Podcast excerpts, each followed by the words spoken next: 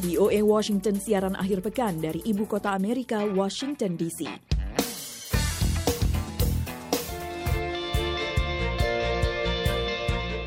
Halo selamat malam pendengar dari rumah kami masing-masing di Maryland VOA Weekend kembali menemani Anda malam ini di hari Minggu 9 Agustus 2020. Saya Karina Amkas, apa kabar pendengar? Malam ini saya kembali ditemani Irfan Ihsan. Apa kabar Irfan? Baik, Alhamdulillah. Bagaimana Karina? Baik juga. Alhamdulillah. Tetap di rumah, tetap Ya. jaga jarak dan jaga kesehatan. Ya, semoga pendengar juga sehat semua uh, hari ini. Dan pendengar selama setengah jam, tiga informasi VOA Weekend akan menemani minggu malam Anda. Pertama, informasi tentang faith and tolerance atau agama dan toleransi. Juga ada women empowerment atau pemberdayaan perempuan. Dan Run US Campus atau seputar pendidikan di Amerika. Untuk segmen agama dan toleransi malam ini, ada informasi tentang pengalaman dua WNI di Arab Saudi yang terpilih untuk menunaikan ibadah haji pada masa pandemi ini. Mereka, katanya nih Van, diperlakukan seperti raja, semua fasilitas serba gratis, dan pulang pergi dapat hadiah pula. Masya Allah, tuh enak banget ya. Uh. Oke, kemudian kami ketengahkan kaitan antara dunia nyata dan film dalam Women in Blue, yaitu film tentang kiprah perempuan polisi. Digambarkan kalau lebih banyak perempuan petugas polisi, maka penggunaan kekerasan akan berkurang. Kita tunggu laporannya dalam segmen pemberdayaan perempuan. Sedangkan dalam segmen pendidikan, malam ini kami menyajikan informasi tentang seorang mahasiswa Nigeria yang menempuh pendidikan di Amerika. Nasib baik membawanya ke kursi presiden universitas di Amerika. Wah, keren banget, nasib baik. Iya, Datang ke sini jadi mahasiswa, eh malah bisa jadi presiden universitas. Wow, luar biasa banget ya. Mhm.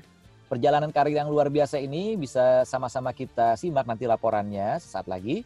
Sekarang langsung saja kita simak informasi pertama mengenai agama dan toleransi. Tidak menyangka terpilih, kaget karena semuanya serba gratis, diberlakukan istimewa bagaikan raja dan pulang pergi bawa hadiah. Itulah yang dirasakan dua warga Indonesia yang terpilih beribadah haji pada masa pandemi virus corona. Sambil menjalani sua karantina selepas berhaji, keduanya mengungkapkan perasaan dan pengalaman mereka kepada Karina Amkas. Berikut laporannya. Tidak menyangka terpilih, kaget karena semuanya serba gratis, diperlakukan istimewa bagai raja, dan pulang pergi bawa hadiah. Dua warga Indonesia mengungkapkan perasaan dan pengalaman mereka terpilih beribadah haji tahun ini. Demi mengekang penularan virus corona, pemerintah Arab Saudi hanya memberi kesempatan kepada warganya dan orang asing yang bermukim di negara itu untuk beribadah haji tahun ini. Itu pun dalam jumlah yang sangat terbatas, hanya seribu dengan pembagian 300 untuk warga Saudi, selebihnya warga asing. Bandingkan dengan jumlah setiap tahun yang resminya mencapai 2,5 juta jemaah. Peminat diminta mendaftar secara online di Kementerian Haji 6-10 Juli. Kementerian itu lalu menentukan siapa yang diterima dan yang tidak diterima. di luar dugaan bahwa saya diterima. Masya Allah, kok saya gitu loh. Saya merasa saya tidak pantas. Sangat bahagia sekali. Bercampur sih, banyak campurnya ini.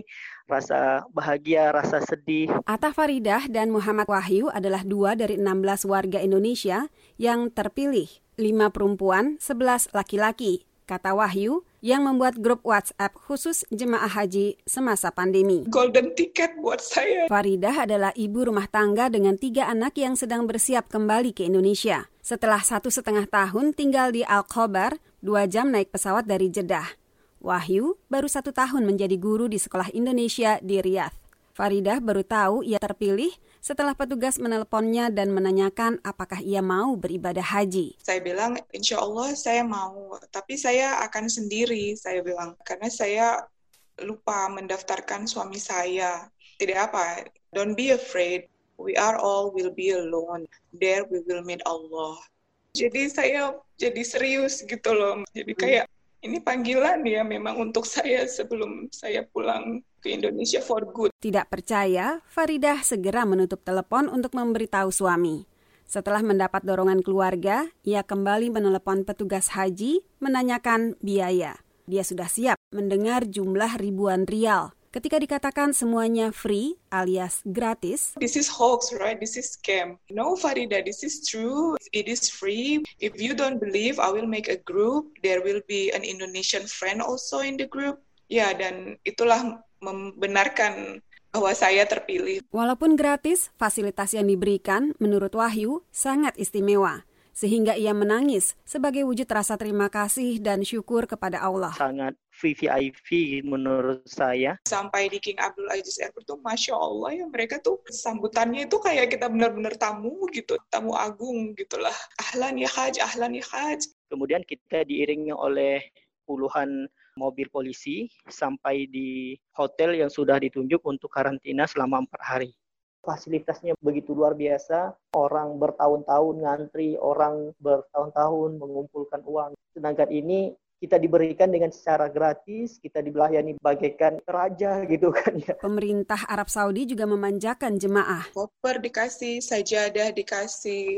bukhur, pengharum ruangan yang dibakar itu sama orang Saudi ada bacaannya. Mereka kan slogannya untuk haji ini adalah aman wasehah gitu. Aman dan sehat. 2041 2020 14 41 Hijriah. Jadi gambarnya itu ada Ka'bah di tengah kemudian gambar melingkar gini seperti gambar orang tawaf. Masya Allah semuanya jemaah haji dikasih kain kiswah. Bahkan batu kerikil yang dibutuhkan untuk melempar jumroh tidak perlu dicari sendiri oleh jemaah. Semua disiapkan petugas dan sudah didisinfektan. Untuk minum air zam-zam, jemaah tidak perlu jauh-jauh. Ada petugas yang berkeliling dengan membawa botol-botol air zam-zam yang dipanggul dalam kemasan pendingin. Ya, mereka datang pakai tas di belakang gitu, kotak di belakang. Dia pakai cooler box, tapi dia jadiin kayak backpack gitu. Faridah dan Wahyu juga merasakan perhatian yang sangat detail dari petugas, terutama dalam menjaga kesehatan dan mencegah penularan virus corona. Sebelum dan sesudah berhaji, jemaah diminta swakarantina mereka dua kali dites COVID-19 dan pemeriksaan kesehatan lengkap. Menanggapi gelang monitor yang dikenakan untuk memantau pergerakan, Faridah mengaku merasa aman. Sedangkan Wahyu, wah tambah senang itu kan.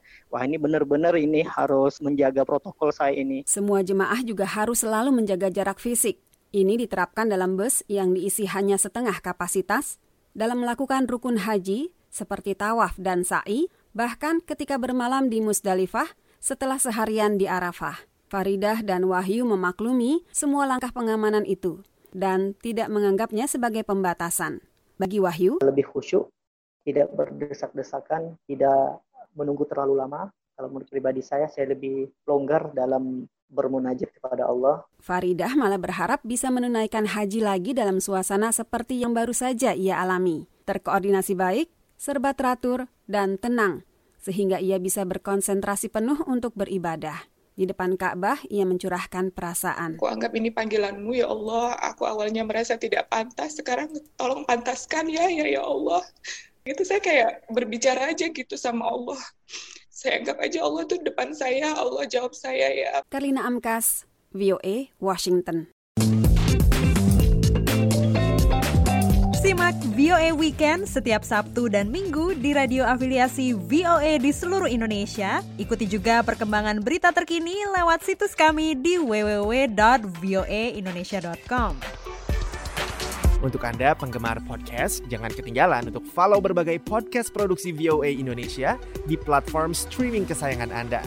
Ada VOA This Morning, In Case You Missed It, Kudos, dan BTS Gedung Putih.